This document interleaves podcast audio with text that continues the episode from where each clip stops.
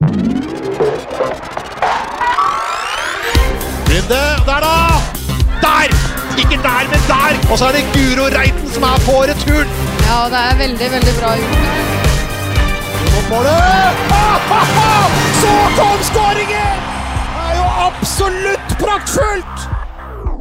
Hei, hei igjen. Velkommen til England, kan vi jo si nå, Kristina. For um, nå har det vært spilt en kamp. Vi befinner oss akkurat nå i hotelloungen i SO15 dagen etter Norge EM åpnet som forventet, kan vi vel si, mot Nord-Irland. Ja, definitivt. Men eh, det var jo en god prestasjon også av eh, Norge. De offensive glitret jo.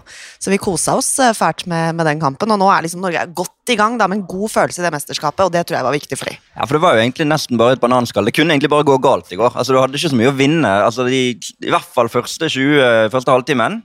Ja. Opp i 3-0.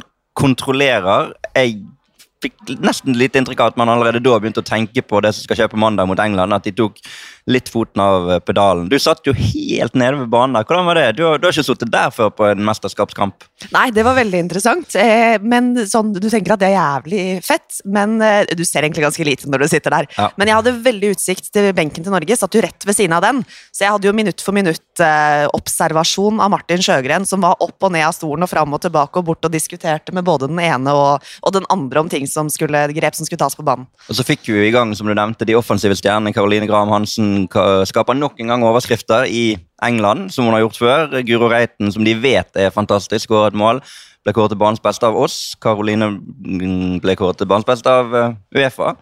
Og så er det Ada Hegerberg da, i sitt landslagscomeback, som ikke skårer mål, men som serverer, og som kunne skåret mål, og som kanskje skulle hatt en straffe, og som skåret et mål som ble annullert. Så hun var på, hun også. Ja, definitivt på. Eh, Hun kriga og sleit på, på topp der, og så var det kanskje ikke Altså, det var ikke helt dagen hennes på en måte som, som spiss og målskårer, for ballen spratt litt hit og dit, men eh, som du sier, hun serverte et mål, veldig uselvisk når hun serverte til Ja, og der viser jo hun sant, at hun er tilbake i laget. Hun er en av disse, hun er ikke over resten. og Det er jo ingen, som- det er noen som har trodd at hun er litt den typen, hun er jo ikke det. Hun er jo en lagspiller som virkelig vil det beste for laget. og i den situasjonen der, Det er jo noen som hadde skutt der.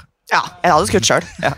ja, for du spilte jo presselandskamp eh, tidligere på dagen der, og kan sammenligne litt med den situasjonen der du tok ballen fra Jan Henrik Børsli da han eh, dro seg inn fra venstre og skjøt sjøl. Ja, det kan du. Da var jeg møkk lei av å stå ute på venstrekanten og ikke få ballen, så da bare stjal jeg den.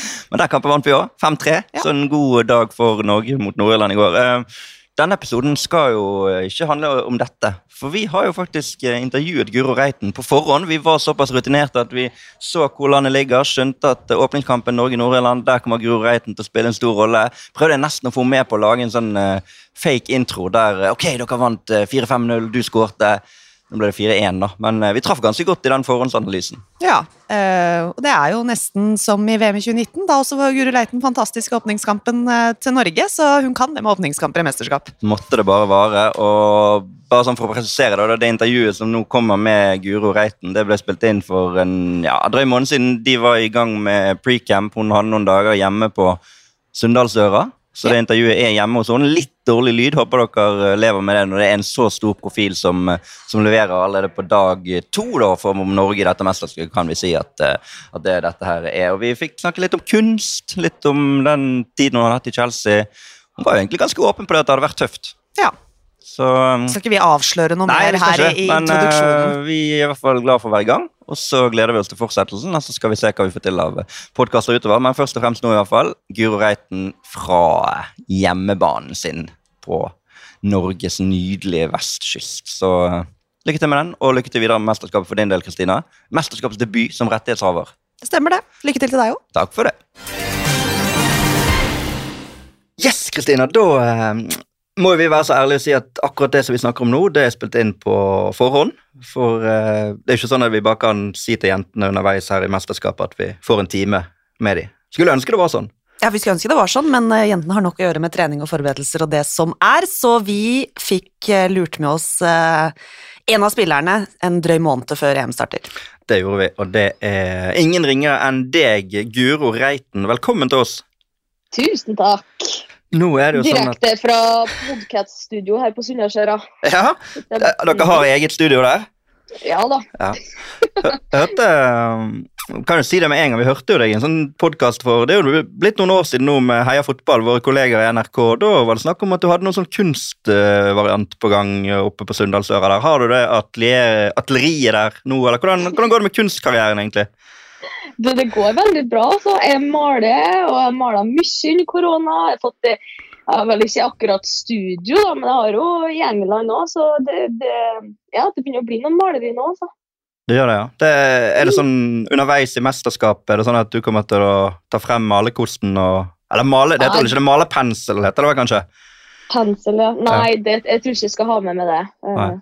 Det har jeg ikke plass til i bagen, tror jeg. Hva slags ting er det du maler? Jeg har funnet ut at jeg liker å male rare folk. Rare folk. Det er liksom temaet på malinga. Har vært. Da, da er det gode muligheter i landslagstroppen, da, ikke det? da? Male hverandre der mellom kampene? Ja, men eh, jeg er meget fornøyd også at når det, når det maleriet får lov til å komme på veggen til mutter'n, da er det mer enn godkjent. Ja, ja, absolutt. det er ganske nøye, det her. Så ja, nei. Ja, det vil jeg tro. Eh, altså nå, De som hører på dette, kommer til å høre på det mellom kampene, sannsynligvis mellom den første og andre kampen deres der borte. Kan du si litt om hvordan det er å være Nå har du vært med på et par mesterskap i en sånn mesterskapsboble. altså Du sier at du ikke maler. eh, men, hva gjør dere? altså Det er jo selvfølgelig mye trening, og sånn, men det er jo også litt, litt tid der det ikke trenes og ikke spises. Jeg har sett det har vært litt puslespill og sånn, i hvert fall på tidligere mesterskap. Hvordan er det å være i denne boblen i et mesterskap, Guro? Eh, nei, det, vi har eh, vi har faktisk snakka litt om det på samling, at eh, vi som har vært med et par mesterskap, kanskje skal fortelle litt hvordan det er. da, For det er helt spesielt. eh, og det er, liksom, det er en mesterskapsboble. Du blir veldig sånn med meg sjøl og det jeg holder på med, og ingenting i rundt betyr egentlig så veldig mye. Eh, men ja, vi har jo selvfølgelig god tid mellom treninga og møter og mat og alt det der til å gjøre forskjellige ting. Så vi har jo alltid et sosialrom der det er PlayStation og puslespill og sånn der. Eh, Det er jo Hjelmseth som har stått i bresjen for det der gigantiske puslespillet som alltid er med, så vi får se hvem som tar eh, føringa der i år, da. Det blir. Absolutt. Eh, Vi skal komme litt tilbake til eh, et par av disse mesterskapene som du har vært med på eh, etter hvert her, men tenker vi, vi begynner litt på begynnelsen jeg, med, med Guro Reitens fotballkarriere. Vi har jo alle sett, eller ikke alle, men mange i hvert fall, som har fulgt, fulgt deg tett, sett bilder av deg i, i kjole og med fotball fra du var liten, så du har, du har spilt fotball hele livet. Kan du fortelle litt om, om hvordan det begynte for deg, dette med, med fotball? Eh, Ja, altså jeg tror nok jeg alltid Jeg har jo, som mamma og pappa sier, liksom alltid rundt med en, eh, med en fotball og alltid har hatt lyst til å vært med. og når jeg ikke var gammel nok til å spille på et lag, så fikk jeg lov til å være med på oppvarminga. Mamma sin historie. Jeg fikk lov til å være med på oppvarminga til søskenbarnet mitt. da. Mm. Men når deres kamp skulle spille, så måtte jeg gå på sidelinja, og da ble jeg så sur at mamma måtte jo bare ta med meg og dra hjem, for det gikk jo ikke an å stå der. Hun sto bare og hyla, for jeg skulle jo være med og spille. så, så jeg har jo alltid hatt veldig lyst til å spille fotball hele tida. Uh, og kommer jo fra en liten plass der uh, ja, altså vi har jo mange fotballbaner, og det var det liksom alle sammen holdt på med. da. Så alle mine venner, det var liksom, det var det vi gjorde. da. Vi tok med oss en ball, og så for vi på ei bane, og så spilte vi fotball dagen lang. Det er jo Sunndalsøra, og eh, det er jo litt unikt da, at det er såpass mange, eller i hvert fall flere såpass gode spillere fra et så lite sted. Så det må jo være et veldig fint uh, miljø du har vokst opp i.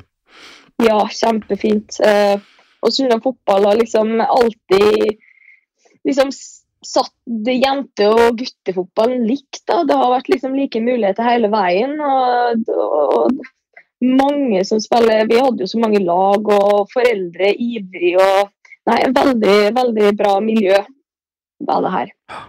Det må være deilig for deg nå å kunne dra litt hjem igjen mellom Det har vært en lang sesong i England, og, og før du skal begynne i, i denne mesterskapsoppkjøringen og selve mesterskapet, og få deg litt, eh, litt luft, kanskje, går det an å si det, i, mellom fjellene der oppe i, på Sunndal? ja, det er god luft. Ja. Ja, det er absolutt. Eh, Det har vært en lang sesong, så det er alltid digg å komme hjem og få slappe av litt og bare ikke gjøre noe. Eh, og hvis du hører litt på stemmen min, så slår det jo aldri feil, for etter fire dager med ferie så blir jo jeg litt forkjøla. Mm. For det er jo ikke vant til. så alltid en sånn forkjølelse når du kommer på Sunndalen, men eh, ja. Det, det, det, det går fint, det òg. Husker vi var gjennom en runde Det var vel forrige mesterskap. Vi snakket med de forskjellige spillerne på landslaget om tatoveringer. Og du har vel noe sånn Sunndalsfjell tatovert på kroppen, har ikke du det, Guro? Jo, jeg har det på armen her, ja. Ja. Det har jeg. Så du har det liksom med deg? Sunndalen. Ja, uansett hvor det er. Det finnes jo ikke fjell i England, vet du. Nei. Så Så er det sånn folk, trenger av og til å se litt på. ja, men er det sånn at folk kommer bort og spør hva, hva er dette for noe. De, de, de ser liksom ikke hva det er for noe. Jo, de ser faktisk hva det er for noe. Så de vet hva lurer fjellet er. Hvorfor, da. Ja, de vet hva fjell er, men de lurer på hvorfor jeg har det. da, og Da sier jo jeg hvor jeg kommer fra, og så må jeg jo vise dem bilder, og så er de jo sånn her Herregud. Og sånn er det jo når jeg kommer hjem og på en måte legger ut, Hvis jeg legger ut et bilde på sosiale medier, og så er det jo folk er jo helt sånn her Hva er det her for noe? Hvor er det hen? Mm. Så de er ikke, de er ikke vant til det, nei. Når du er så flink til å tegne og male, er det sånn at du lager tatoveringer for lagvenninnene dine? Er det sånn? Kan man... Nei, nei, nei. nei, nei. Det er, jeg er ikke der, også.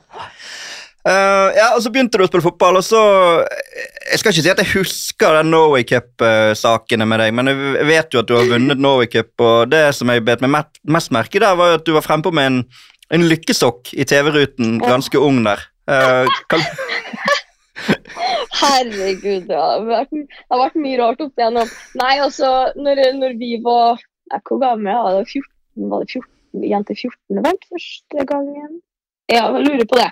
Men da var jo Norway Cup var jo veldig stort for oss, da. Det var mange lag med, og flere av toppserielagene stilte liksom med sine. Vi spilte jo mot Ada på Kolbotn, husker jeg. Eh, Karo har vel vært med der. og altså Det var liksom, det var litt stort, da. Mm. Og, og Sunndalen har aldri liksom gjort det noe veldig bra. og Så for vi nedover, og så vant vi. og du vet nå, Man er jo ikke vant til å være på TV-en, så plutselig så ja, blir man jo intervjua. Det er jo noe gullkorn derifra, ikke bare fra meg, men fra mange. da, Så det er jo viktig å se tilbake på. Men vi hadde jo en lagleder som, hadde, som dessverre ikke kunne være med, tror jeg, for hun skulle Jeg husker ikke om hun, hun var gravid, så hadde hun glemt igjen en sokk nedi der. og så ble det liksom alle vi ha- Før så hadde vi jo liksom en maskot i målet og sånn, husker jeg jo. Men vi hadde ikke med en maskot i målet, det ble en sokk i stedet. Og så ble nå det da grunnen til at vi vant, da.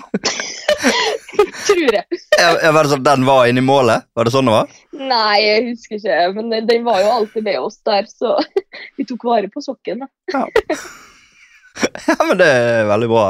Eh, og så ble du etter hvert eh, sånn at du kunne eh, bli så god at du fikk aldersbestemte landskamper, og du spilte toppserie, og ja, Vi trenger jo ikke dra gjennom alt, men eh, etter å ha fått gjennombruddet i, i, i toppserien og, og i Trondheim så noen år, og så ble det Lillestrøm, og så husker jeg så på denne eh, dokumentarserien som Christian Torkelsen laget for oss, som fremdeles ligger ute på TV2 Play med Proffjentene. Der var vel Lurer på om det var første episode, Guro Reiten i, i Chelsea, og der var jo dine foreldre intervjuet. Mm. og eh, De sa at de, de reiste og så alle kampene dine i Lillestrøm. Ja. Ja, nesten. Mm. Eh, veldig, veldig ivrig og ser jo hver eneste kamp. Jeg tror de er like nervøse som meg, enkelte ganger kanskje mer òg. Mm. Så når det, når det ble Lillestrøm, så ble det jo altså De så, kjørte jo til Trondheim òg. Men Lillestrøm er jo litt lenger, da, så det tar vel seks-sju timer én vei. Mm. Eh, men eh, det var vel ikke alle, men det var ganske mange. Og jeg har jo noen sånn vittige Det var jo Hva var det jeg sa en gang? Sa det til Emilie, og Emilie bare sånn Å, herregud, mamma bor på Bekkestua og syns det er litt langt å kjøre til Lillestrøm, så ikke alltid hun kom, liksom. Men så mamma og pappa har kjørt seks timer, snudd og kjørt hjem igjen, liksom, på en dag. Ja, det, er... hva er det lengste dine foreldre har sett deg Kristina, spille bortekamp? Eller hjemmekamp, for den saks skyld. Eller hjemmekamp, for den saks skyld. Nei, uff, si det, da. Nå har ikke jeg spilt på høyt nivå akkurat, men eh, jeg har vel vært oppi det, det blir vel denne sesongen. Jeg skal spille mot Sogndal, Ja. av alle ting. Da skal mamma og pappa få lov til å sette seg i bilen og kjøre og se på sin 30 år gamle datter spille litt breddefotball. Ja, men det er deilig, er det ikke da? Det er jo det, er det ikke det? Support på tribunen, ja, det er koselig, det. Dere har jo nesten spilt mot hverandre, ikke det? Du og Guro, du en cupkamp der for noen år siden. Nesten spilt mot hverandre. Hadde jeg hatt en, eh, en litt mer behjelpelig eh, fotballtrener, så hadde jeg fått noen minutter mot Lillestrøm og, og Guro, men eh, jeg blei sittende på benken, jeg. Det var da 2019. Ja, det var jo i forkant av fotball-VM i 2019. Det var jo Guro sin oppladning til forrige mesterskap. Var jo å få lov til å figurere i min lille personlige TV-reportasje på, på VGTV da jeg skulle møte VM-stjernene. Det fikk jeg jo ikke. Men eh, Guro fikk der møte det var Høybråten. sånn- Ja, men var det der det var sånn bluss før vi kom inn på kampen? Ja, altså folket på Høybråten og Stovner stilte virkelig opp for eh, cupfest på Høybråten kunstgress, altså. Det var sånne heimebanetilstander på den stemmen. Det var vittig. Ja, øh, du var jo du, Vi må jo være såpass ærlige og si, Guro, at du gjorde det veldig veldig bra i Lillestrøm, i LSK Kvinner, i et lag som var bra fra før, men du kom inn og ble toppskårer i toppserienepar og vant de ligatitlene du kunne. Hvordan ser du tilbake på den tiden din i, i Lillestrøm nå? Nei, altså, det var jo Jeg har jo alltid tatt steget litt sånn gradvis, da. Og ikke, ikke kanskje tatt for mye på en gang. Jeg gikk jo til Kattheim først, som på en måte var lillesøster i byen. Og så gikk jeg til Trondheim sør når jeg følte det var tid for det. Og så neste steget ble jo Lillestrøm. Akkurat det året jeg kom, så slutta det jo altså Lillestrøm hadde jo vært det, beste laget i, i Norge ganske mange år, og det året jeg kom, så slutta det vel seks-sju stykk. Som Lene Mykjeland og Håvi for til, til USA, og det var liksom mange som forsvant på én og samme gang. Så når jeg kom dit, så var, jo, var vi jo ikke tippa eh, som nummer én. Eh, vi var jo, typ, var jo Alle åra jeg var i Lillestrøm, egentlig, så trodde jo dere, da, ekspertene, at vi skulle havne på andre, tredje, fjerdeplass. Eh, men så er det noe med denne vinnerkulturen i, i Lillestrøm da, som eh, Hege klarte å formidle videre til oss som på en måte kom inn og skulle ta over. da. Eh, og så fortsatte vi og gjorde jo bare det samme som de hadde gjort, med litt andre navn. Eh, så det var jo en kjempefin eh, periode for meg, og gikk jo kanskje bedre enn enn jeg hadde trodd da, egentlig. Eh, men eh, en helt nydelig tiende på Lillestrøm der, altså. Mm.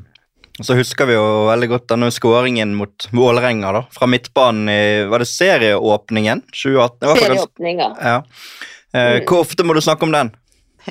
Eh, ja, den blir jo nevnt, og det er jo, det er jo for meg òg et høydepunkt. eh, høydepunkt. og Vålerenga-Lillestrøm er jo et, eh, et eh, oppgjør der som det ligger mye følelser bak for, for alle som er involvert. og eh, akkurat det at vi hadde serieåpning der, var vel, det var vel en sånn en der de nå var det Lillestrøm, nei, Vålerenga som skulle ta over tronen i norsk fotball, og alt sånt der, og så kommer vi og feier dem av banen på Intility der, og det avslutter med et mål fra midtbanen. Det var, det var, det var statement, var det ikke det? jo, absolutt. Du, du har jo en enorm fot der. Er det sånn at du har skåret mye mål fra midtbanen opp igjennom, eller er det et, et av unntakene? Uh, Nja, ikke Det er lov å si ja. På, nei, men jeg har vel skåret et par fra midtbanen, men det er ikke så mange, ikke så mange nei. Det, ikke, det, skjer, det skjer ikke så ofte. Men det er jo mulig. Altså, så det var jo nesten skåring fra midtbanen nå i Champions League. Nei, ikke helt fra midtbanen, men tverrleggeren der fra, fra lang. Det, det var nært, ja. Så har Ja du en god nok fot, så, så går det an. Mm. Ja, og så er det jo det gjerne at keeperne Hvis du har en rask spiss, så skal de jo ligge litt ut fra linja og kanskje prøve å svipe litt bak der. Og hvis de da er litt for høye, så må man jo bare utnytte det, da. Ja, men det er jo noe med det at det er jo, du skal jo stå litt langt ute som keeper. Sant? Nettopp Yep. av at uh, fotball er blitt sånn at keeperen har en viktig rolle i den, uh, egentlig som en slags sweeper. Så det er et godt poeng. Det, det er fordel for dere med den gode foten der, at uh, keeperspillet har utviklet seg litt. Så Ja. vi ser frem til flere skåringer fra midtbanen fra Guro Reiten fremover. Uh, og så ble det, etter Lillestrøm, så var det jo liksom frem og tilbake der, i hvert fall spekulasjoner utad. Du eh, var vel iskald på det sjøl, men eh, du ble jo værende eh, helt frem til VM. eh, etter at du var klar for Chelsea. Du ble vel klar rett før VM, var ikke det? At det ble offentliggjort? Eh, ja, det var vel egentlig klart ganske lenge, men Ja. jeg hadde jo ikke tenkt å ville ikke si noe og ville på en måte fokusere på det der og da eh, med Lillestrøm helt inn til, til VM. Og så når VM starta, så ble det bare så mye spørsmål at jeg bare sånn, ok, da bare bruk en dag, og så få det ut, og så blir vi ferdig med det, og så kan vi fokusere på VM. Mm. Istedenfor at dere stiller spørsmål hver dag hvor jeg skal hen. Ja. Som er litt drygt i lengda. Ja, det- Men så var det liksom greit. Men jeg kunne bare si det, jeg hadde allerede signert kontrakter, og sånn, så det var jo i orden. Det var det, og da ble du Chelsea-spiller fra sommeren eh, 2019, og du har vært Mm. i, i Chelsea siden uh, Forsto at det var sånn tøff start der med den, uh, det å komme til et nytt land. Og det er jo det flere i landslaget som har snakket om, både i, Tyskland og kanskje spesielt i Tyskland, Kristina. Eh, hvor tøft det har vært å, å komme til nye land. Ja, Guros lagvenninne Maren Mjelde har vel snakka mye om hennes første opplevelser med tysk fotball for mange år siden, og, og Ingrid Syrstad Engen klarte vel knapt å bevege seg de første ukene etter at hun gikk til, eh, til Wolfsburg. Mm. Hva var det som var tøffest med å komme til England for deg, eh, Guro? Um, nei, det er nok For meg jeg har jo ikke Det er jo ikke helt den samme tre, Oppkjøringa i Tyskland var en og beinhard. da, Det var vel det. De sprang vel og sprang vel og sprang vel. Så det er jo ikke helt det samme, men på en måte den der totalpakka da, med, med alt som er nytt. En, en gigantisk fotballklubb med så mye folk og så mye ting man må lære seg, og ting man må huske på. Eh, alt går på engelsk, selvfølgelig. Eh, og det er, er jo vant til å, å være altså Lillestrøm ja, vi hadde jo proffdager, men det er ikke så mange timer. Altså, inn og ut, mens der blir det en, en vanlig arbeidsdag på av og til på sju timer, liksom. Eh, så det var liksom, det var veldig mye nytt, og i starten så var jeg bare sliten. Det var høyere tempo på trening, eh, høyere intensitet, så jeg var bare helt, helt sliten. Og eh, jeg husker spesielt liksom, på slutten av dagen når vi satt og spiste middag, og så var det en samtale, og så går den på engelsk, og så sitter der litt sliten, må oversette, må forstå hva de sier, skal prøve å finne på et svar, må oversette tilbake. Og når jeg da skal si det jeg skal si, så er jo samtalen borte for lenge siden. Sant? Så det var jo bare å komme seg hjem, og så eh, har det jo gått seg til litt. Annet. Men det gikk jo veldig bra sportslig, da. Altså, du ble jo nominert til årets spiller av forskjellige in, altså Mm. Både BBC og Athletic. Og Det var jo flere der som, som virkelig anerkjente den jobben du gjorde. Så det, til tross for at du slet med å sette sammen tre engelske ord til en setning, eh, så gikk jo det ganske bra. Ja, ja da, første sesongen var veldig bra, Mm. eh, egentlig. Eh, det er jo perioder fra den nå som kanskje ikke var helt eh, Det var jo litt sånn eh, Den julepausen den kunne ikke komme tidlig nok, eh, egentlig, for da var jeg liksom sliten og trengte å hente meg inn igjen. Alt Altså, det er jo eh, flere kamper, høyere intensitet, høyere tempo, selvfølgelig. Jeg var jo ikke vant til det. Så eh, Den første sesongen min i Chelsea så var det flere dager Emma bare kom og sa at Gud, du får ikke trene i dag fordi det, det blir for mye for det. Mm. Så det var liksom eh, den der totalbelastninga som kanskje ble eh, styrt eh, litt mer da, profesjonelt gjort, sånn at jeg faktisk klarte å prestere på kamp. Eh, men første sesongen var, var, var meget bra, ja. Mm. Og så kom jo det en uh, endring i verden, kan man si. Våren Ja. 2020 der. og en koronapandemi som har preget oss siden. Eh, Kan du fortelle litt om hvordan det var for deg der borte da? Uh, nei, altså Den kommer vel Skal vi se her nå. Vi var på Algarve vi når vi hørte Ja. det der første gangen. Uh, og da var det jo litt sånn sånn som alle andre. Ja, ja, det sykdom. Zaid plutselig begynte å snakke om munnbind og sånn, og vi skjønte jo ikke bæret hva hva er det for noe. og Vask hendene hele tida og alt det der. Så vi, vi tok jo kanskje litt lett på det. Kom tilbake den dagen eh, man landa, så var det vel da Norge stengte ned, tror jeg Mm. for dem som landa i Norge, da. Jeg landa jo selvfølgelig i England. Og da var det jo bare sånn Nei, kampen til helga den er flytta, men vi skal spille neste helg. og så gikk det jo ei uke, og så den kampen den er flytta, vi skal spille neste helg. Vi skal spille neste helg, vi skal spille neste helg. Og til slutt så var det sånn OK, kan vi få ferie hjem? Fordi nå stenger jo det Det går jo nesten ikke fly. Plutselig så blir vi sittende fast her. Så kom jeg jo akkurat hjem på sikkert en av de siste avgangene nesten på en god stund der. Og jeg måtte jo jeg ringte jo Anne Marte og sa at Anne Marte, som er da idrettspsykolog på Olympiatoppen, og bare sånn, Anne Marte er nesten litt redd, fordi det her er det merkeligste jeg har vært med på. For jeg er jo vant til å gå inn på mange flyplasser, og det er mye folk, og det er kaos, og det er tjo her. Jeg gikk inn på Heathrow den gangen, og det var, jeg tror det var fire avganger fra Heathrow. Eh, det var ingen folk, og alle gikk med sånn gassmasker nesten, og sånn full, full dress, sånn hvite dresser, og det var som å gå rett inn i en skrekkfilm. Og når man ikke er vant til det, og aldri Jeg hadde jo ikke munnbind engang. og det var sånn her Hva er det som skjer her nå? Helt merkelig opplevelse. Eh, men så kom vi hjem, og hjemme da vi, hadde vi jo møte hele tida. Og det var sånn her Dere må holde dere i form, fordi vi, skal, vi kan hende dere må komme tilbake neste uke og neste uke og neste uke. Og til slutt så var det sånn satt vi på FaceTime der og gratulerer alle sammen, vi har blitt seriemester. Vi ble seriemester på Zoom. Ja. Så ja, nei. En merkelig, merkelig opplevelse. Og det, ja, det korona Ja, uff. Mm. Men altså, du er jo Du flyttet vel hjemmefra, var du 17 da du flyttet til Trondheim første gang? Uh, Ja. ja. Og, og på en måte vært vant til å, ikke klare deg sjøl, men vært i hvert fall vekke fra familien. og sånn. Men du sier at du, du følte deg litt redd. altså Hvordan var det altså hvordan var det sånn at du kjente liksom på at uh, nå er jeg faktisk litt på, e- på egne bein? I, du, før du kom deg hjem, da? Um, ja, altså man føles jo veldig langt unna da, hvis det skal skje noe. Altså, ingen visste jo helt sånn i starten hva det egentlig innebar. og Det var farlig å bli smitta, og det var jo ikke noen vaksine. Det var mange som var dårlige, det var kø på sykehus. Altså, man var jo langt unna alt alle i tilfelle noe skulle skje med meg eller med dem. eller så man måtte jo prøve å liksom, ikke tenke så mye på akkurat det, da. Eh, når høsten starter igjen, så jeg, jeg fikk jo være hjemme ganske lenge den sommeren, da. det gjorde jeg. Fordi det, det var jo ikke lov til å reise, og det var jo ikke noe sesong og ikke noe å komme tilbake til. Eh, men til slutt så ble det jo kanskje litt mer La oss kalle det litt mer normalt, selv om det kanskje ikke var normalt der og da. Vi var jo få, eh, noen av de få som faktisk fikk lov til å komme tilbake til jobb eh, i den perioden der eh, på høsten. Og serien vår var jo spiltes jo som normalt. Men det var jo den jula, da. Den tror jeg var blytung for, for oss alle sammen. fordi da var vi, ble vi jo stranda.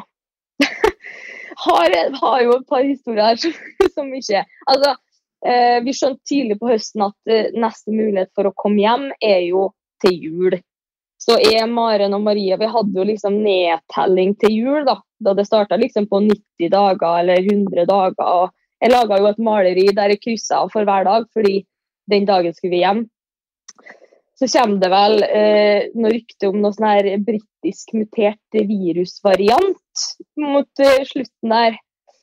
Eh, og vi fikk korona i laget. Vi, bare sånn, vi må jo unngå det, for vi skal jo hjem på søndag. Det her er da en torsdag eller noe. Nei, mandag skulle vi hjem. Og så på mandagen så sier jo Boris Johnson at det, det er lockdown, du har ikke lov til å reise, du har ikke lov til å gjøre noe. Ingen, fra, ingen i hele verden vil ha folk fra, som bor i London. Akkurat London der vi bodde, da, vet du. Det var jo helt nydelig. Og da var det sånn eh, fire dager til jul. Bagen var pakka, leiligheten var tom.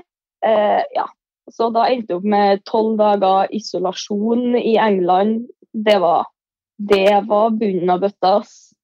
Ja, det kan jeg tenke meg. Det har vi jo snakket om på en måte litt grann før eh, her hjemme Ja. i Norge, at eh, eh, vi syntes jo det var kjipt med store deler av koronaperioden, vi også, men vi hadde jo aldri en sånn lockdown som det vi har sett i andre land hvor man ikke hadde lov til å gå ut av sitt eget hus. Vi fikk jo lov til å gå ut og, og gå turer og så videre, så jeg tror det er nesten helt umulig for oss å, å forestille oss åssen dere hadde det, da.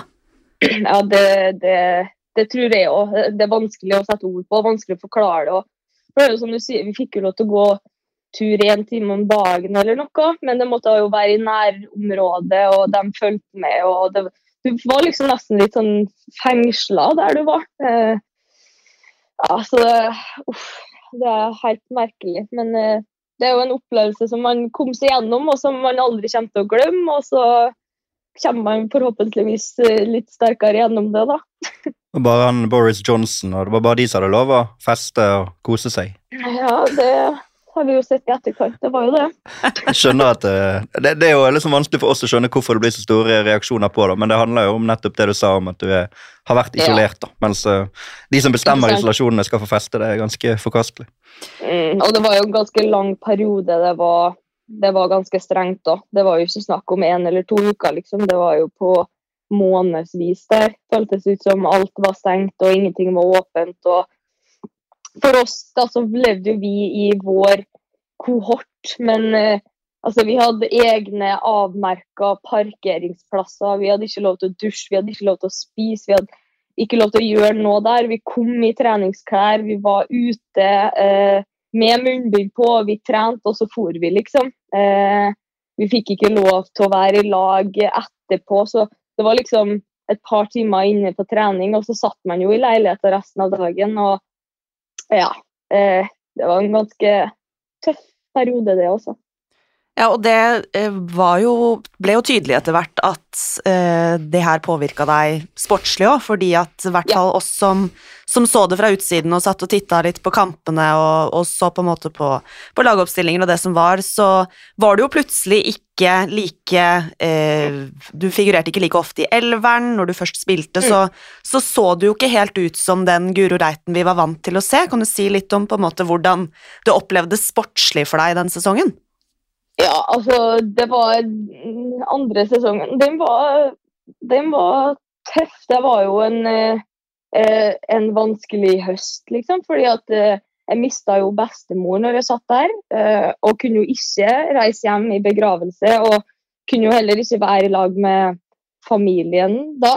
Eh, så ble jo jeg skada. Jeg hadde jo sleit jo med ryggen hele, hele høsten der, og den ble jo egentlig ikke bra igjen heller. Ehm, det var litt sånn Enten så må jeg ha lang tid eh, for å komme igjen, eller så må jeg bare godta at ok, jeg kan spille 20 minutter, jeg kan spille en halvtime.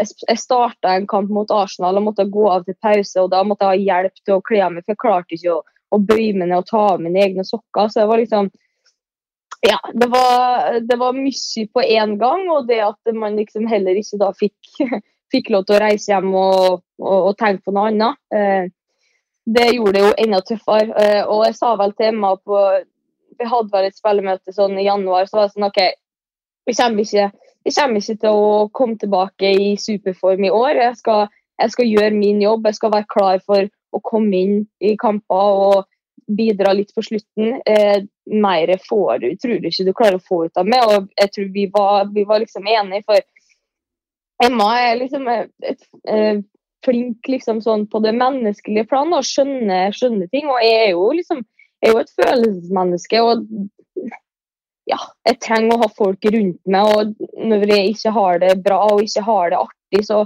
så funker jeg heller ikke på fotballbanen.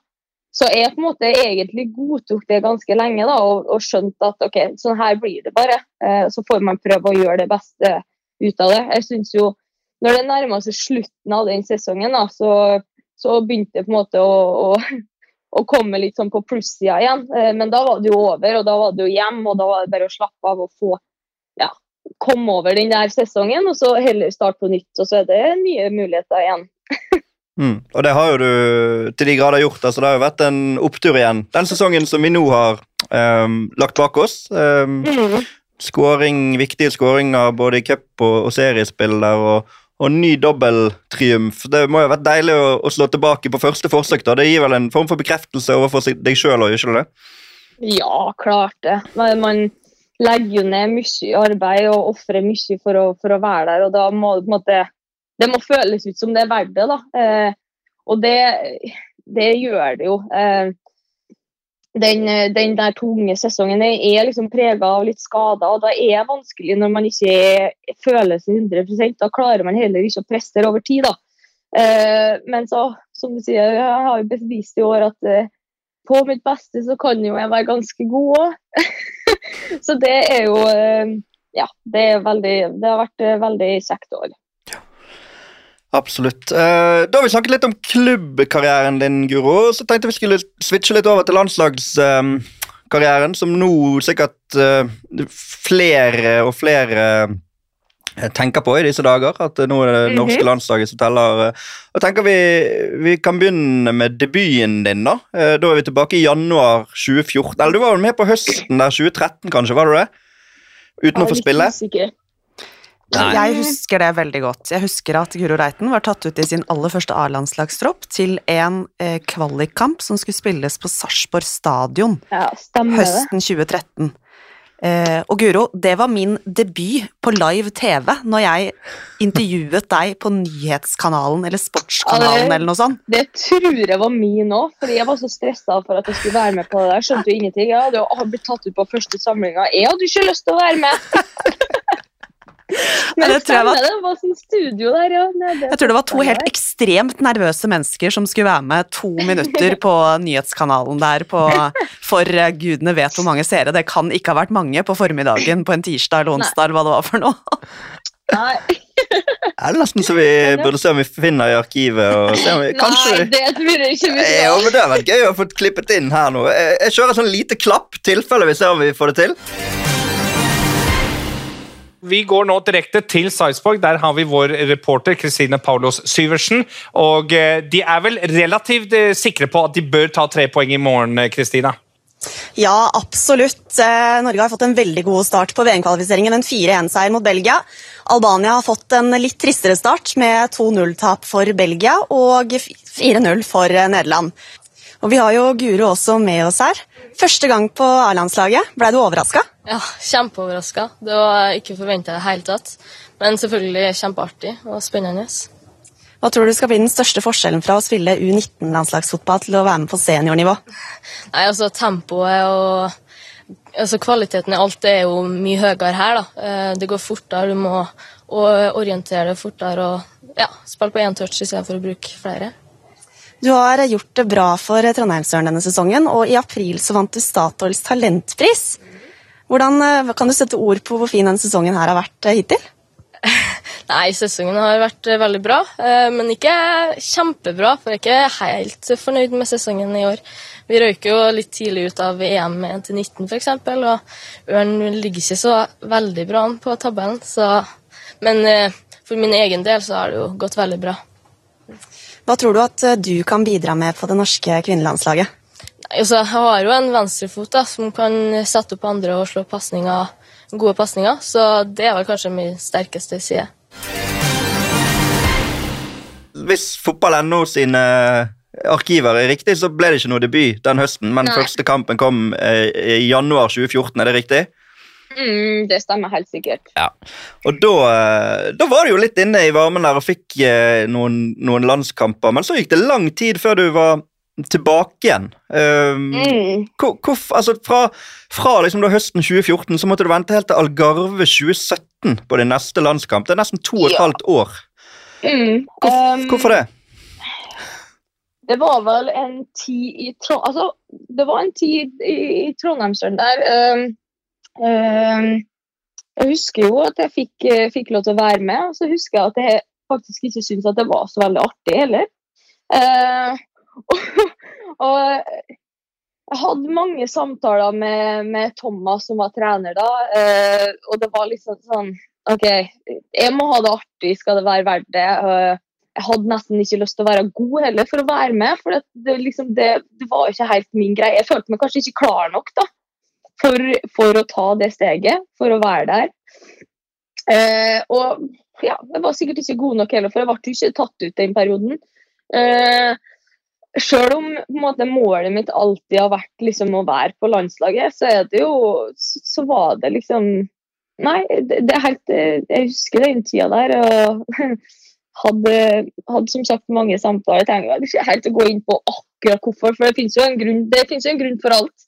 Men, eh, men eh, jeg, gikk tilbake til liksom det å, å nyte fotballen i klubb hver dag, og det var vel der jeg tok liksom steget til Lillestrøm. og det var noe jeg måtte bli klar for det òg. Eh, og så er jeg vel eh, fra den Algarve eh, og fra liksom jeg har kommet inn i Lillestrøm og gjort det bra der, så har jeg vel vært med på det meste, Mm. tror jeg.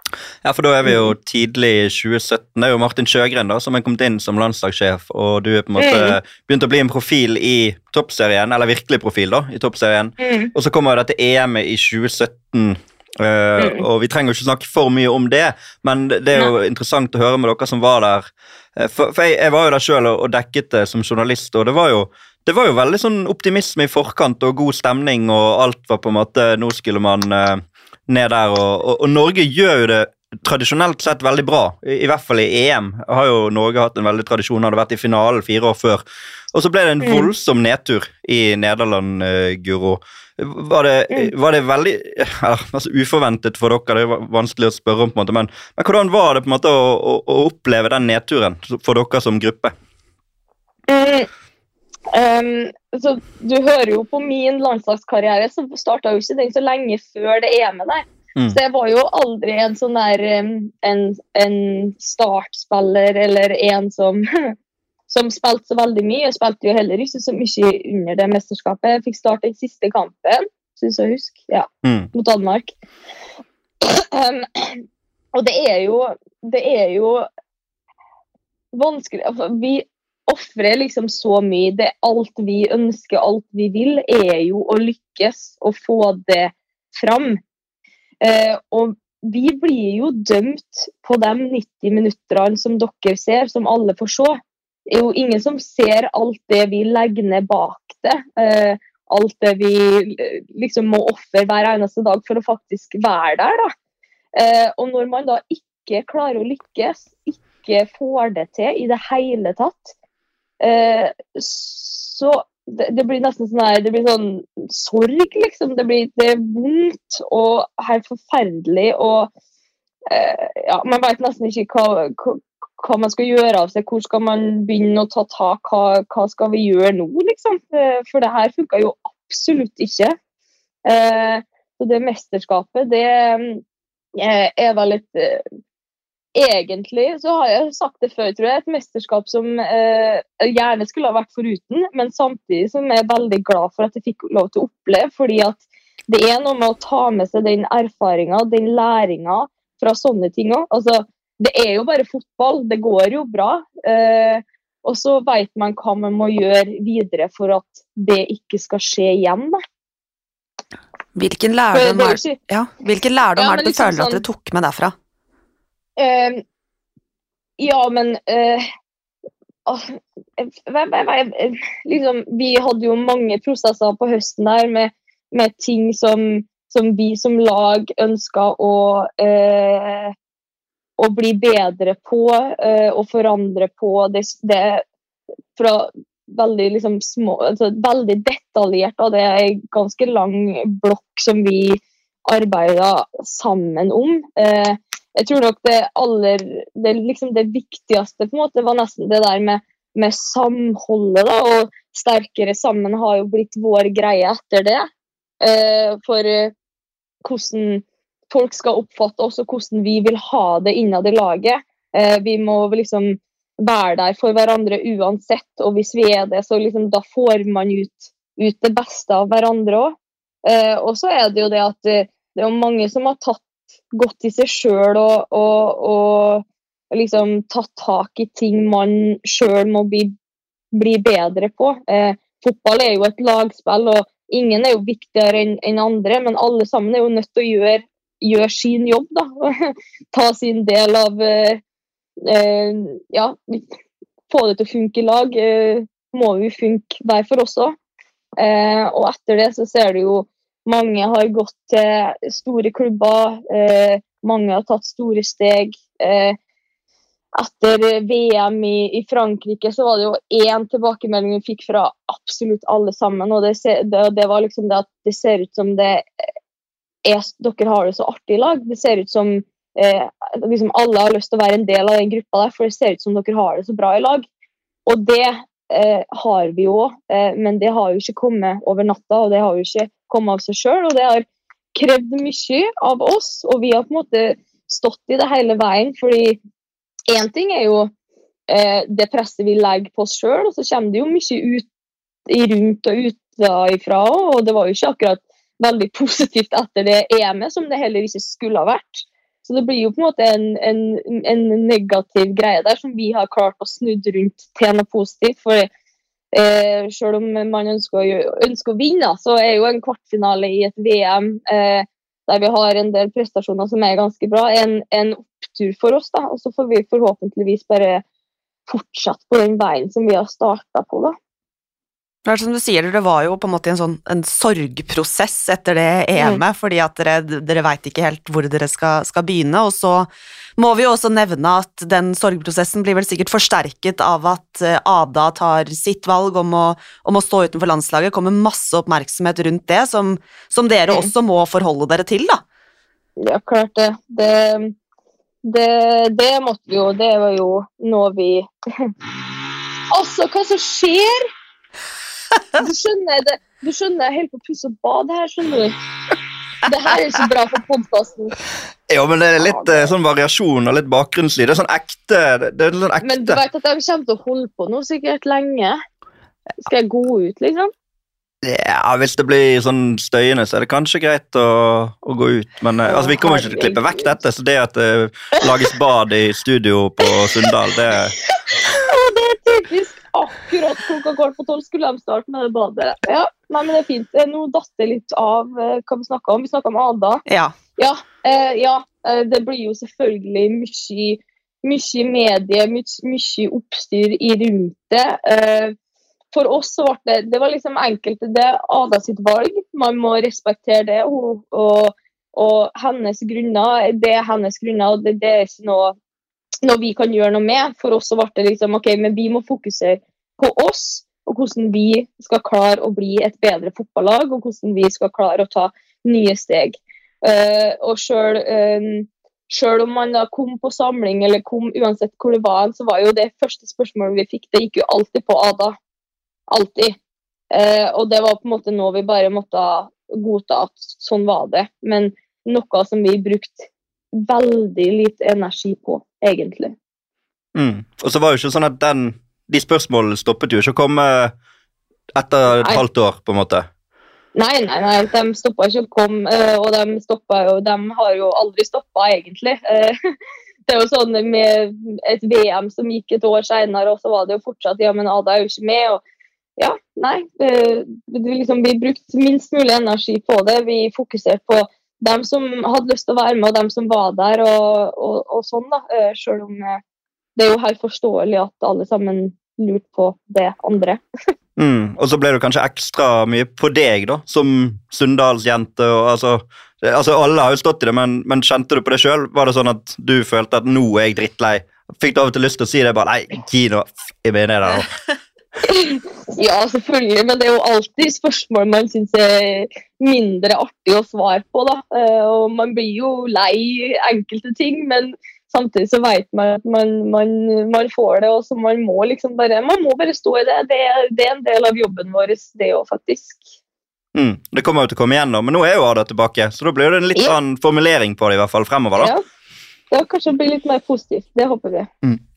Eh, ja, du nevnte eh, Frankrike-VM som en Da har vi bade, baderomsoppussingen er på gang. Nei, altså, det her går ikke an. Vent, da. Jeg vet ikke hvor jeg skal komme unna heller i det store huset her. ja. Er det så stort hus at det er umulig å rømme? Nei, men eh, Nei, det er jo litt da. Skal vi se om det høres mindre. Nei, jeg er ikke ferdig. Jeg er på fire her nå. Ja, jeg skal se. Vi får se om det blåser. Det er jo litt fint vær her på Sindalen. Hører dere med vinden nå, da? Eller? Nei, jeg tror det går bra. Ja, Vi prøver ut, da. Ja, Vi prøver det. Ute blant Alpene. Ja. Det er fint, det. Um, nei, Frankrike ble jo en opptur, eh, som du, du sa. eh, ditt første VM, og egentlig Du nevnte jo at du var jo ikke helt inne i laget i den Nederland-nedturen. egentlig, Du fikk starte den siste kampen, og, men når vi kom til Frankrike, så er jo du nøkkelspiller. Og åpningskampen blir du vel både banens beste og du skårer det første målet. Mm. Så det må jo være en av de beste dagene på jobb. Eller på Ja, Ja. det, det var jo en eh, vi, vi hadde jo det mesterskapet altså, ingen, ingen glemmer EM. og det er jo liksom Ikke bare at vi tapte alle kampene, men vi klarte jo ikke heller å skåre et mål eller noe. Så når vi får den der første kampen mot Nigeria, og man skårer det første målet der, og da bare åh, da var det liksom OK, nå kan vi senke ned skuldrene, og så kan vi bare fortsette. Og så vinner vi vel den første kampen til Skal vi tre? tror det. Lisa skårer ett, og Herlåsen skårer vel ett. hvis jeg er sikker. Vi får i hvert fall en meget bra start på det mesterskapet, og, og det var viktig for oss, tror jeg. Mm. Veldig viktig. Og så eh, i kamp to der, så får dere Frankrike i NIS Mm. på et fullsatt Er det Allianz Stadium det heter? Jeg blander alltid. Riviera Allianz Riviera er det der. Det var den jeg sleit sånn med. Mm. Det må jo ha vært en stor opplevelse. Ja, det er kult. Eh, Det er kult å spille for eh, eh, mye folk på sånne fine stadioner. Og vi står vel utpå der når nasjonalsangen spilles, og alle Vi skjønner jo at de aller fleste på stadion der heier jo ikke på oss. Men det betyr jo egentlig ikke så mye, for det, jo, det var bare eh, sjukt kul opplevelse. Og nasjonalsangen så har man jo nesten litt sånn gåsehud og eh, eh, Ja, nei, det var rått, altså. Eh, det var det. Mm. Og den... så var det VAR. Ja. ja, det var jo eh, det var, var det kanskje første gang det var VAR det, i et mesterskap for kvinner. Og uh, Ingrid Syrstengen spesielt fikk jo føle den på kroppen når eh, plutselig det ble dømt til straffespark. Jeg husker vi satt på tribunen der og jeg var sånn, ok, dette ble straffe. Jeg husker jeg tenkte det med en gang. Ja. Men de, de er ikke Mhm. forberedt på det. Altså, Jeg rakk å tenke tanken at dette kommer til å bli straffe, men folk som er involvert, vet ikke det, så dette kommer til å bli et sjokk for dem. Det var akkurat det som skjedde. Det var en Utrolig merkelig situasjon, men eh, se, selv om dere taper for Frankrike, så er jo det en, en positiv opplevelse, ikke det det? Til en viss grad, eller?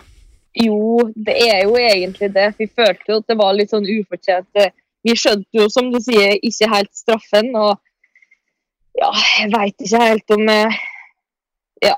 Det ble noe straffe, i hvert fall. Mm.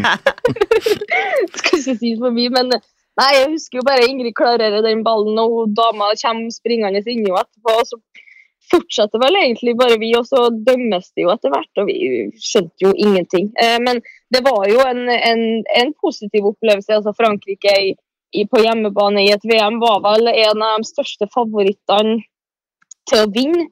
Så vi gikk jo inn med, i den kampen med litt eh, mindre forventninger til oss sjøl og litt mindre press på oss sjøl, og kunne liksom bare gå ut og nyte, og det gjorde vi jo. Det var jo, det var jo Nei, det var, det var artig. Mm. Det er òg der sove, sovepila mi kommer inn. Mot Frankrike. Satt det. For det var så sein kampstart. Ja, alle kamper var klokka ni. Så det var litt eh, Ja. For du sliter ekstremt med å sove eh, når du spiller kamp sent på kvelden. Ja, men jeg, jeg sliter egentlig som regel uansett når den kampen er, men det blir enda vær senere. Og når det er ny, da er det jo Da er løpet kjørt, nesten. Hvordan er det nå i eh, EM i sommer? Har vi sett på det? Nei, jeg har ikke tatt stilling til det. Jeg vet nesten ikke når vi spiller kamper engang. Men eh, Det er vår skyld. Du vet at det er Ja. vår skyld, sant? For det er vi som skal ha gode sånn TV-tider. Og er det deres skyld? Ja, ja. Jeg tror det er samme nå. Jeg tror det er tre seine kamper, både Nord-Irland, England og, og Østerrike. Så du kan nok belage deg på nye sovepiller i juli, tror jeg. Vi får se, vi får se. Jeg har jo blitt litt bedre, men uh, ja. Um, ja, så um, eh, slår dere Sør-Korea, eh, går videre fra gruppespillet. Australia uh, i åttedelsfinalen, og der får jo vi um, straffekonkurranse. Eh, Kan du si litt om det? Hvordan det var å stå i Jeg vet ikke hvor mange straffekonkurranser du har vært med på, men du har i hvert fall ikke vært med på en straffekonkurranse i et sluttspill i VM før du var der. Nei. Nei, og det er jo der jeg føler kanskje at det er sterkere sammen Det er der vi får beviset på det, da, på hvor langt vi faktisk har kommet. Eh, når vi står ute på banen der, eh, for å si det. For, at, for det første da, så er jo kampen litt sånn her Vi klarer vel å slippe inn en corner i slutten av eh, andre omgangen der, eh, som bare går rett inn. Eh, blir en nedtur med ekstraomganger. Det var også så tungt å spille 120. Uh, at jeg husker bare Karo prøvde å dra meg opp. Jeg har et bilde av det. Jeg husker, det kommer aldri å glemme. Karo bare drar meg opp, og det er nesten så jeg ikke klarer. Men så hører jeg bare 'Du må stå fordi du skal ta straffe'. Og da er jeg sånn OK, ja, men da må, jeg må nå bare stå utpå her, da. Prøve å bevege meg. Jeg hadde sikkert krampe fra topp til tå. Og så kommer vi til den straffekonken, eh, og så har vi den her sirkelen, og da er det liksom Martin som sier noe som gjør at liksom vi egentlig bare kan senke skuldrene, liksom. Vi, uansett hva som skjer her nå, så gjør vi det her i lag. Eh, og ja, vi går nå ut på den straffekonken og bare nailer det skikkelig. Mm. Hadde du bein til å ta den straffen, da? Eller var det bare hodet du mobiliserte til å få frem det du måtte? nei, jeg, jeg vet ikke om jeg hadde bein. Eh, Det er motsatt. Jeg hadde hode, men jeg hadde ikke bein. Men eh, det gikk jo. ja, nei, jeg klarte nå å komme igjennom. Jeg klarte nå å stille meg opp der og skulle ta inn straffen. Det er jo Uff. Det, de stegene fra midtsirkelen og fram til straffemerket, de er lang. Lang. Men det gikk bra, og det ble avansement. Og så var det jo England i kvartfinale, og da, som du sier, dere var vel gjerne slitne etter de 120 Ja. minuttene, og mange hadde spilt alle kampene. Og, og da England Mm. da fikk ledelsen der, så virket det i hvert fall sånn fra utsiden at dette ble, det ble for tøft. Ja, det, det, ble, det ble dessverre det. Eh, som du sier, vi har mange som mange som hadde spilt veldig mye. Den siste kampen den var jo en utmattelse uten like. og eh, Vi hadde kanskje ikke mer å gå på. Eh, men eh, vi hadde gitt alt, eh, og vi hadde prøvd. og England var litt for god. England er et, et bra fotballag. Eh, mange å ta av. Eh, så de ble dessverre litt for gode. De Mm. gjorde det. Og så kan vi jo da spole til nåtiden, som da blir ikke to år etter, men tre år etter. Så pga. Mm. korona så har vi fått en litt sånn uvanlig loop der. Og da er det jo England igjen, da. De fleste som hører dette, hører det nok mellom eh, åpningskampen mot Nord-Irland, som dere forhåpentligvis har vunnet, og skal inn i nok en kamp mot England, nok en gang vertsnasjon, nok en gang fullsatt stadion, eh, nok en Mm. gang meget tøft sportslig. Hvordan ser du på den eh, altså Jeg vet at dere skal ta én kamp av gangen, og det er andre ting som gjelder Mm. for deg før det, men du klarer vel kanskje likevel å visualisere litt hvordan det skal føles å gå inn i en sånn kamp igjen?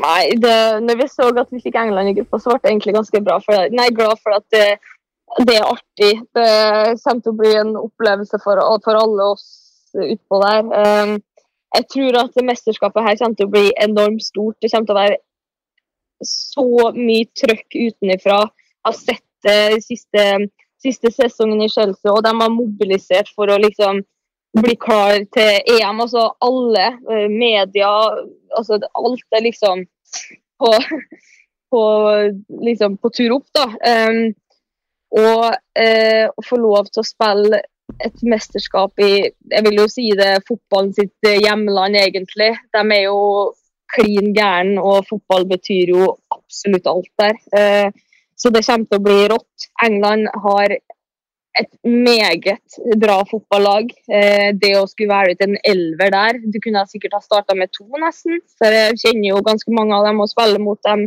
til vanlig. Eh, så de har et veldig, veldig, veldig bra fotballag. Og du spiller med mange av de til vanlig? Ja, med og mot og ja, ikke sant. Så det kommer til å bli en tøff kamp. Men igjen, en kamp hvor vi kanskje Vi er ikke noen favoritt, og vi kan gå ut på der og, og nyte, liksom. Hvordan er dialogen liksom, med lagvenninnene dine i Chelsea inn mot en sånn kamp? Altså de engelske, da, tenker jeg på. Nei, jeg, tipper nok at eh, de er veldig opptatt eh, av seg sjøl og jeg tror ikke det blir noe, det blir ikke noe Vi er ikke noen venner ute på den banen der. Det skal jeg love deg. Om ikke motsatt heller, kanskje. Jeg hadde vi, vi pustet jo litt liv av denne podkasten med et intervju med hun Karen Carney, din tidligere lagvenninne i Chelsea, som nå er Mm. fotballekspert i England. og Hun var jo tydelig på det at det er ganske spesielt å skulle spille en kamp mot lagvenninner eh, i et mesterskap. og Hun skrøt jo veldig av deg, eh, hadde stor sans for deg. Det ville hun kanskje gjort uansett, men, eh, men hun eh, hadde i hvert fall veldig tro på Norge da, og mente at avstanden mellom lagene var blitt mindre eh, enn han var for tre år siden. Og det, Ja, ja. Altså, det er jo internasjonal fotball, det er utviklinga. Det skjer fort, og det skjer mye. Og så er det jo snakk om, om små marginer, da. Jeg syns jo du ser det du ser det i de forskjellige ligaene, du ser det forskjellige turneringer både på herre og dame. Det er liksom det er snakk om så lite, så skal så lite til. Så ja, vi snakker om eh, Hvis du skal spørre meg hvem som er favoritt til, til EM, så har vi ikke peiling, for det er mange lag som kan vinne. Eh, vi er nok kanskje ikke favoritt, men at vi kan overraske og at vi, at vi har et veldig bra lag, det har vi. Hva er det som er, eller føler du er realistisk målsetting for Norge? Hva, hva skal det norske folk eh, mene at er akseptabelt for dere i dette mesterskapet, da? Åh, jeg har ikke lyst til å si noe resultatfokus for det. at det, det må vi finne ut i lag. Eh, og når vi finner det ut i lag, så kommer vi nok helt sikkert til å fortelle dere hva, hva vi blir fornøyd med. da. Men jeg håper jo at vi kan være med og engasjere og underholde i sommer. eh, og at folk syns at det er artig å se på, så du ser en gjeng som, som, som virkelig har lyst til å gjøre det bra. da.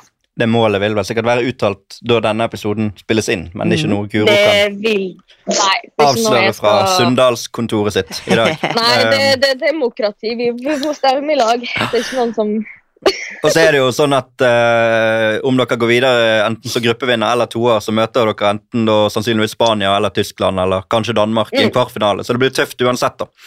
Ja, det er det, og EM er jo det er liksom Når du ser på VM, da, så ser du at sju av åtte beste lagene er fra Europa, liksom. Så vet du at eh, da er det, da er det tøft å vinne EM. Eh, Mm. Så eh, ja, det blir tøft uansett. Jeg vet ikke hva som lønner seg. Nei. Hvis man skulle ha vært om man ville møtt Tyskland eller Sverige Nei, Tyskland eller eh, Herregud, Spania. Hva sa du? Spania. Ja. Jeg har tippet sånn. Danmark. Det har jeg sagt til Kristina at det der kommer overraskelsen. At enten Tyskland eller Spania ryker. Norge får Danmark, vinner den, semifinale, og så er vi der hele veien inn. Det er mitt tips. Da får vi se.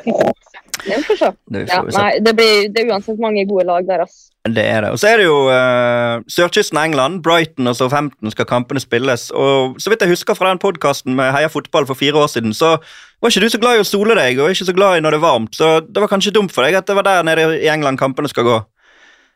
Nei, men nå har jeg da bodd i England i tre år, og jeg har sett skodde og grå eh, himmel og uh, regn i tre år. Så eh, nå eh, sier jeg ja takk til sol, altså. Oi, har utviklet deg. Ja, jeg har det. Jeg har det. Det er veldig bra. Neida, men det, vi er veldig heldige, da. Veldig fine plasser. Veldig fine plasser forhåpentligvis for eh, dem som skal reise ned og se på oss. Jeg regner jo med at det er noen. Um, uh, mye å finne på rundt. Jeg har jo vært i Brighton litt sjøl og sett og gått på stranda der, så det er jo nydelige omgivelser, da. En ting som eh, i hvert fall jeg og Helge er veldig glad for i dette mesterskapet, sammenligna med Frankrike, det er jo nettopp trekninga. At eh, Mm. kampene skal spilles i Bright, to i Brighton og én i Southampton. Vi kan bo Mm. på samme sted hele gruppespillet. Er dere glad for det det- òg? At dere får liksom ha én base? Om vi er, om vi er Altså, jeg er jo jeg er jo vant til å reise mye, men jeg er jo redd for å fly. Jeg liker ikke å fly i det hele tatt. Og det Frankrike-mesterskapet, når vi måtte Hva har vi var? Paris, og så ned til Nis, og så opp igjen, og så ned igjen på et sånt lite fly. Åh, det var helt forferdelig. Så ja, jeg er veldig glad. Og det er jo en av de store plussene med å bo i England. Det, det er ganske korte avstander, og hvis du reiser, så er det lønner seg å reise med tog, nesten. Eller tog Mm. eller buss, eller Mye, Mm, mye, logis mye logistikk òg, da. Du har jo studert, Fikk du skrevet den bacheloroppgaven i logistikk? Nei, jeg er så ferdig da. Ikke spør meg. Nei, det var jo bare fire år siden du snakket om at det var bare den som gjensto. Ja, det er fortsatt det. Det er for mye logistikk i hverdagen til at du klarer Ja, å gjennomføre logistikkgraden. Det er jo en passe ironisk, kanskje. Mm. Ja, men det er, det er veldig bra, Guro. Jeg, jeg tenker vi begynner å nærme oss eh, slutten, jeg. Eh, oppussingen kan fortsette på Sunndal. Ja, vi får se om badet blir ferdig i løpet av sommeren, Ja, kanskje. det kan være ferdig når denne podkasten publiseres. Det, Det kan hende. det er vanskelig å vite. Eh, bare sånn siste eh, Draktnummeret ditt. Eh, jeg husker jo I EM så var du nummer fire, og så har du snakket om at du egentlig ville være åtte, men så ble det 16 pga. det var dobbel Steven Ja. Gerrard, og så har du vært 10 og 11. Og, har, du, har du landet på noe nå? Ja, nå kommer jeg til å spille med 11. Mm. Men du hørtes ikke helt Eh, fornøyd ut? Jo da, ja, altså, jeg har jo på- en måte bestemt det sjøl. Nei, jeg har funnet ut at eh, draktnummer, eh, det Jeg vet ikke, det betyr kanskje ikke så veldig mye. Så fant jeg ut ok, men jeg skal prøve noe nytt. men skal vi se, så hvis det går jævlig dårlig med det der 11-nummeret i EM, så kommer vi ikke til å ha på meg 11-nummer igjen. Nei. Ja, for det var jo, Men eh, det var jo en sånn Steven Gerrard-link, egentlig, var ikke det det? På åtte og Jo, det var det, men jeg ville jo ha åtte, og så er jo åtte som regel alltid tatt, og så Mm. ja. Det, ja. Så vi fikk vel hver her nå, så fant vi ut ok, da kan vi prøve noe nytt. Da kan vi prøve 11. Jeg har jo 11 i Chelsea, og det har jo gått ganske bra i år, så vi får se. Får håpe det bringer lykke. Og hvis ikke, så skal noen andre få 11 etter det her. Det høres uh, bra ut. Uh, tenker vi runder av der, Kristina? Ja. Fin prat. Veldig fin prat. Absolutt. Og så gleder vi oss til å, å følge deg eh, og dere fremover, Guro. Og så håper vi at, eh, at det har gått bra etter kamp nummer én, og at dette nå høres på inn mot en spennende kamp mot eh, England. Så tusen takk for at du var med, og eh, Yes. lykke til med EM. Tusen takk. Tusen takk. Runde, der da! Der! Ikke der, men der! Og så er det Guro Reiten som er på returen. Ja, det er veldig, veldig bra gjort. Ha, ha, ha! Så kom skåringen! Det er jo absolutt praktfullt! Moderne media.